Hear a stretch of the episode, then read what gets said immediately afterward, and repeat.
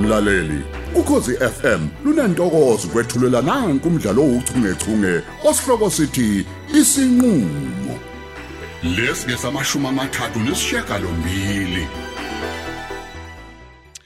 Phumla hello. Yebo Phumla, unjani kodwa beautiful? Aw, azo, ngiyaphila njani? Ngiyaphila. Hey, uyazi kumnandi kodwa ukuthi vele nawe uyazazi ukuthi umuhle. Aw, He. Lokho ngaqala nje ukukutshela mfethu ngiqala ukukubona nga. He, Kwakuthi ngidla ungifele, hey. Ngoba wena, he. wena nje, wena ufuna ngithini ke kodwa uvela ungidilike nje. Hawu, Hawu. Nokwenza phambi kwasisi wakho uyamazi nje ukuthi ustrict kanjani lo muntu wakini. We, uyabona ukuba strict. Ngaba nalo ngishiso kumsizi. Kodwa yazi mina ekumazeni kwami nje, ngimaze ngayena umuntu ongena zagama ngqobo ezindabeni zabantu. Hayi. Hawu, yazi ungalisho uliphinde ya yena unjalo. Mm. Kodwa phela nawe ke, hawu. Le ndaba nje wavela wayidilika nje. Hayi cha, nawe wavela wangidilika. Phela le nto ayijwayelekile la eDembe. Hayi ke sengifikile mfethu ngizoyenza ukuthi ujwayeleke. Hey, asazi ke lapho ke noma izojwayeleka yini. Hoyibo. Phela Bazoyithemba. uyabona mfethu abantu abazoyenza ukuthi ujwayeleke lento. Ithi sobabili. Hayibo. Mina, ubala mina nalapho. Njengobusho nje mfethu. Uyabona umuntu uhleka. Hayi, uvele ungichaze kakhulu. Yabo lelo hleko lakho mfethu. Ha.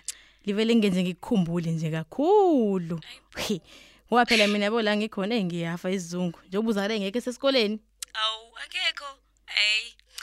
Ngibo wena ke azo mina ngiyafa nje ukuxa kwama assignment lana yo. Hawu, phansi bungasho ngani. phezulu. Hayi cha shem lapho maningini.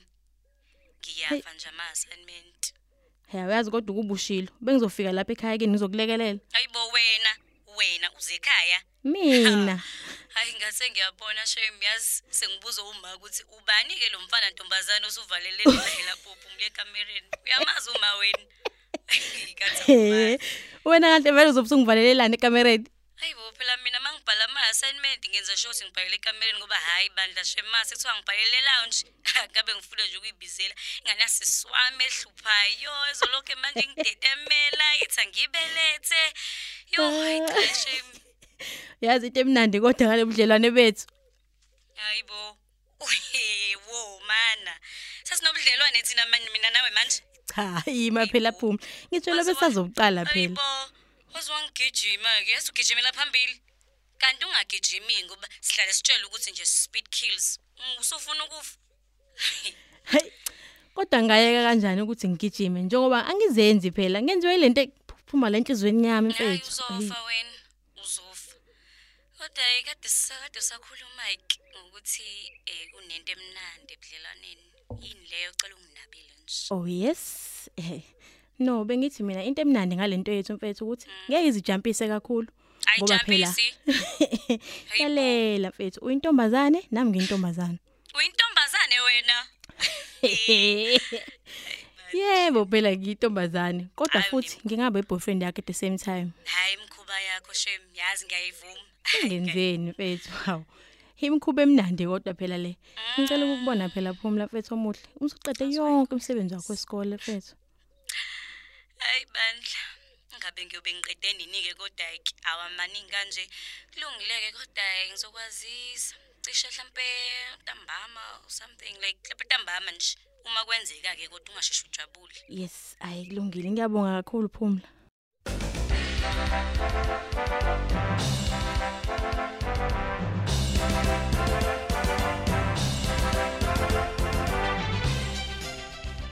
awusho-ke bebami ya umthetho wakho uphuma ngasikhathisini vele wena emsebenzini wakho yabona nje to be honest sithando sami Mm. mina ngisebenza ngendlela e-flexible all right nayo into eyenzeka sahlala phansi nosupervisor wami um savumelana ngendlela yokusebenza Mm. into nje ey'ningi zavele zashintsha emva kwe-covid umuntu waqala ukusebenzela ekhaya kuthe sithanda ukudamba-ke i-covid hhayi-ke zaseziyajika-ke izinto umuntu wakhetha iy'nsuku aziya emsebenzini nishidade bu Mhm. hayi cha niyajabula inkosi impela msisi ngingake nje ngibuwena nami ngisebenze ngaleyo ndlela Ayi- ayikho phela inkinga lapho angive ngingajabula nje nami ukusebenza nebhebi lami We. wazi bani mhlawumbe nje ngingaze ngimile nomkhaba yabona hayi bo yini manje mina ngikuthanda unje hawu angifune mkhaba la mina uyoze uvimba ezinye izimpi Oh. Okay, sengiyabona.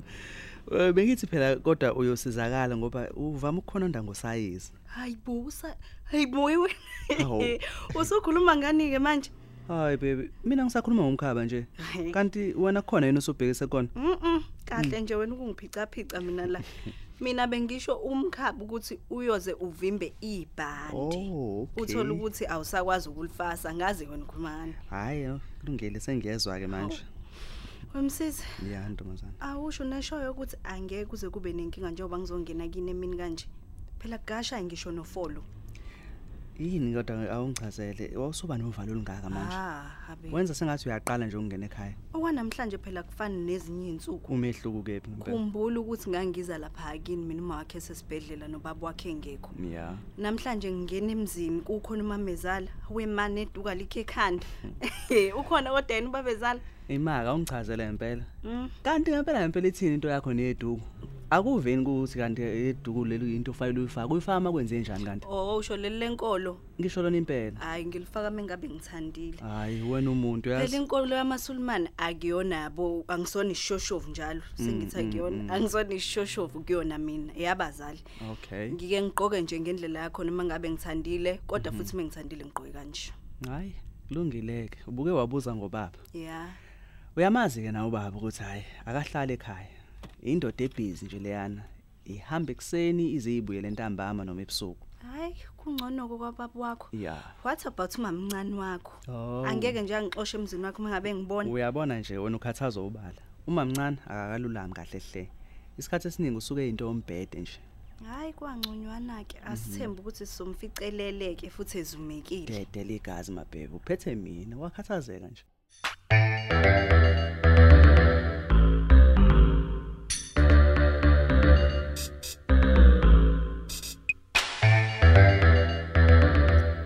Ngiyabonga ukuthi ugcina ufikile mnumzane Thusi. Yebo. Uxole nje mfowethu ukuthi ufe hey ngimatasatasa nezinye izinto. Phela bengisaxoxa xoxa impahla lena eyebiwa abantu leni idolo mfowethu. Bayi kanti ngiyabonga nje nami mfowethu ngokuthi ugcina unginikeze nje leli thutshana elincane lokuthi sibhunge phela njengamadoda. Yebo. Ya, ngicela ukukukhulula nje mfowethu ungangibiza ngomthunzi ngoba vele igama lami lelo abaningi abangazi ngalo. Hawu. Ngiyabonga ukuthi ungikhulule mthunzi. Nako. Eh kodwa bengicabanga ukuthi hayi sesingaqala kudaba lolwethu mfowethu. Yebo futhi ke akuzoba nje mfowethu udabo lude lolo lwintendende. Njengoba phela bese siliqalile nasocingweni. La mfowethu ngifisa ukwazi ukuthi laba balisa wababopha babe ngobani kanti futhi ke sicubuzini ababeziphethe. Hey mthunzi uyabona mfowethu uma ngabe ukhuluma le ndaba. Yeah. Hayi namanje ngizwa umzimba wami ushwaqa nje mfowethu. Lalela ke mthunzi. Nakho ke. Kwakunyaka odlule mfowethu ngesikhathi ngithintwa enye yezingede zami ingitshela ngabantu lisa abawubili abaphethe icubu zabantu Yeah. hey kwangithusa ke lokho futhi ngavele ngangakukholwa ngoba phela ingede uyazazi nini nawe futhi ukuthi ibuye zibe uphoshozwayo Ah, zinjalo zonke mfowethu izingede. Zivele zikunike nje ulwazi olungekho ngoba nawe usijaha ukuthola imali. kungcono ke ngoba wazi kahle nawe mthuni kodwa ke mfowethu kwaba nento eyathi nje hayi ake ngisukumele phezulu hayi nebala ke ngathi mangisifica nje insizwa nesikhwama zazo lapha erank hawu ngavele ngayisesha Eh. hey mfowethu ngitshela ukuthi hey ngavele ngathuka kwaphela naso zwaneni hey futhi mangabe ngibona ukuthi hey, kwi- kunezinto zabantu kanye nesandla phela Ukahle wena. ngiyakutshela phela Yathi zithatha kuphi lezo zitho zemzimba yabantu? Hey lutho ke mfowethu ayizange izifuna ukusho. Kuphela nje ngikwaziyo ukuthi kwakuyinsizwa yomsuthu. Ehhe. Hey mfowethu, ngayipheka ngayophula ke mfowethu ngobhojwana, kodwa lutho ayifuna ukusho ukuthi isithathe kuphi lezi cubo mfowethu. Washo kodwa ukuthi uzisa kuphi? Hayi, khona ke washo impela ke wathi hayi yena belibangisele emaqhosheni. Ehhe. eyodayiselisa ngomathizeni ke icubu lesi hey ngimbopha nje mfowethu phela umlisa lona usephakathi etekisini elibhakise emaqhosheni Hawu, hayi mfowethu hayi nakho impela hayi ngacishe ngasindwa yinyawo kwasho khona ukuthi ngenhlanhla yami iyaphuza ukugcwala itekisi ebheke le emaqhosheni Lahamba kanjani ke icala?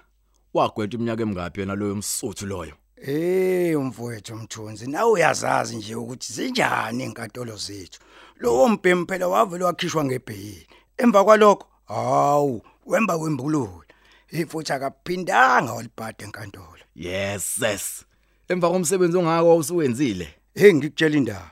idokodo mfowethu ngitshethi ngaze ngalivala sengenze ngisho circulation uyiwanted nje lapha khona kumanje hawu mhlawumbe wavele wabuyela kwela kubo ungabe usazomthola phi ke we hayi cishe uyasidanasela nje umsuthu lapha le ebasuthwini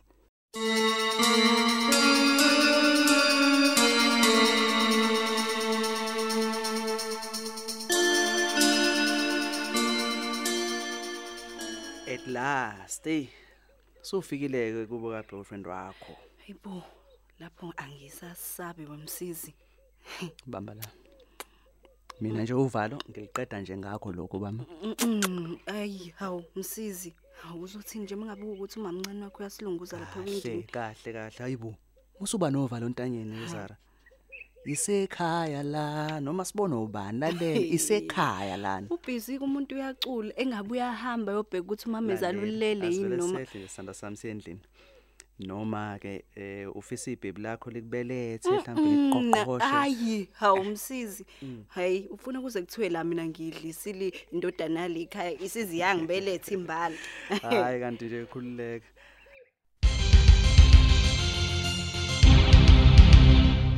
hey akuhaba kuyafiwa la kuwena uyazi wena awuvumenzi uhlanyo lwethu Ah. kanti ukuba uyazi nje ukuthi ukhululeka kanjani heyi ake ngikhumuleke nalamaqhoqo sami sengifile ikhona Nceso sithandwa sami ho othi ngikukhumule lingaze liphazamise leli khona ingabe lizobe liphazamisani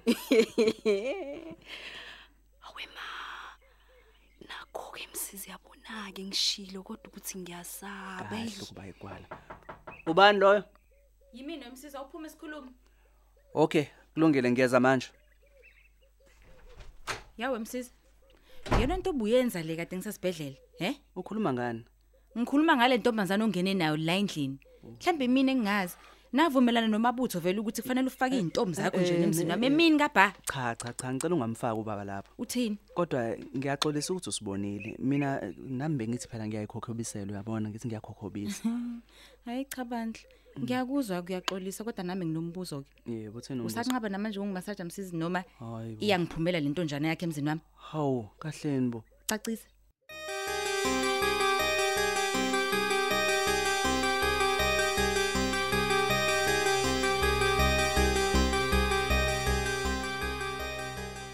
wena-ke njengomuntu owayephenya icala awusoli nje ukuthi lezo zicubu zaziphuma esibhedlela sasetop hills hayi wena mthunzi mfowethu angibonanga impela ke kanjani Be- eqinisweni nje limsulwa kwaye mina hayi angizikhathazanga ngomsuka wazo lezo icubo Oh, ya. ngoba phela mina ngaye ngiphenye icala le unauthorized possession of human organ hayi ke mfowethu lokuyibuya kwezicubo zomuntu oh wagcina uyileke kodwa emaqhosheni ukuyoqinisekisa phela ukuthi ngubani lesangoma esasizothenga izicubu mhlawumbe ufike ukuthi nje ukupequlula kancane ukuze ubone phela ukuthi azikho nezinye ongazithola khona hayi lutho ke mthunzi akunaka ngempela ke nje lokho mina elami icala ligxile ekutholakaleni kwezicubo sitholwa kumuntu ongafanele okunye nokunye ke nje futhi hayi ngakushiya kanjani impela kona-ke kodwa ukuthi lezo zicubu kwangezabani wakuthola kona yathini i-dna hayi lutho ke mthunzi angifuni ukudlala ngawe ngifana nawe nje nama ngazilutho mfowethu ngoba lezo zicubu ngazithumelele bebidoli kuze kube nanamhlanje angazeke mfowethu kubuye lutho lutho lutho eh okunye mthunzi sengicela mfowethu siuvale lo mhlangano ngoba hayi ngisaqinwe ngeminye imisebenzi njengoba ke ngeke ngawazisa ndoda hayi ngiyezwa sayijeni hayi kulungile mfethu angikudedele hayi ngingajabula-ke mfethu uma ngingakhona ukusebenzisana phakathi kwethu hayi ke leyo ke ndoda so hayi so ibhunga ngelinye ilanga uhambe kahle mfowethu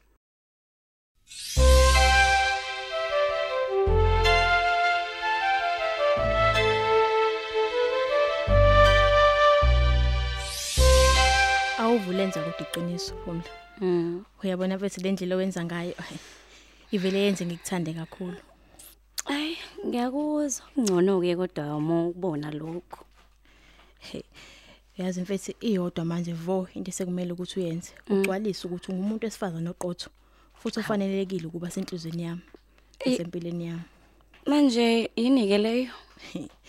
uyazi nje phumla ukuthi ngiyafa mfethu lolu thando ulicicile enhlizweni yami thambise yakhe inhliziyo ngilifake lolu thando hayi nawe ke ngiyezwa azo hawu awusaqeqebukiki nawe ke uyakhuluma ayi cha ngabe ufuze bani Ngingayeka kanjani kodwa phumla ukukhuluma ukuze ungizwe phela ukuthi ngiphetheni entuzweni yami.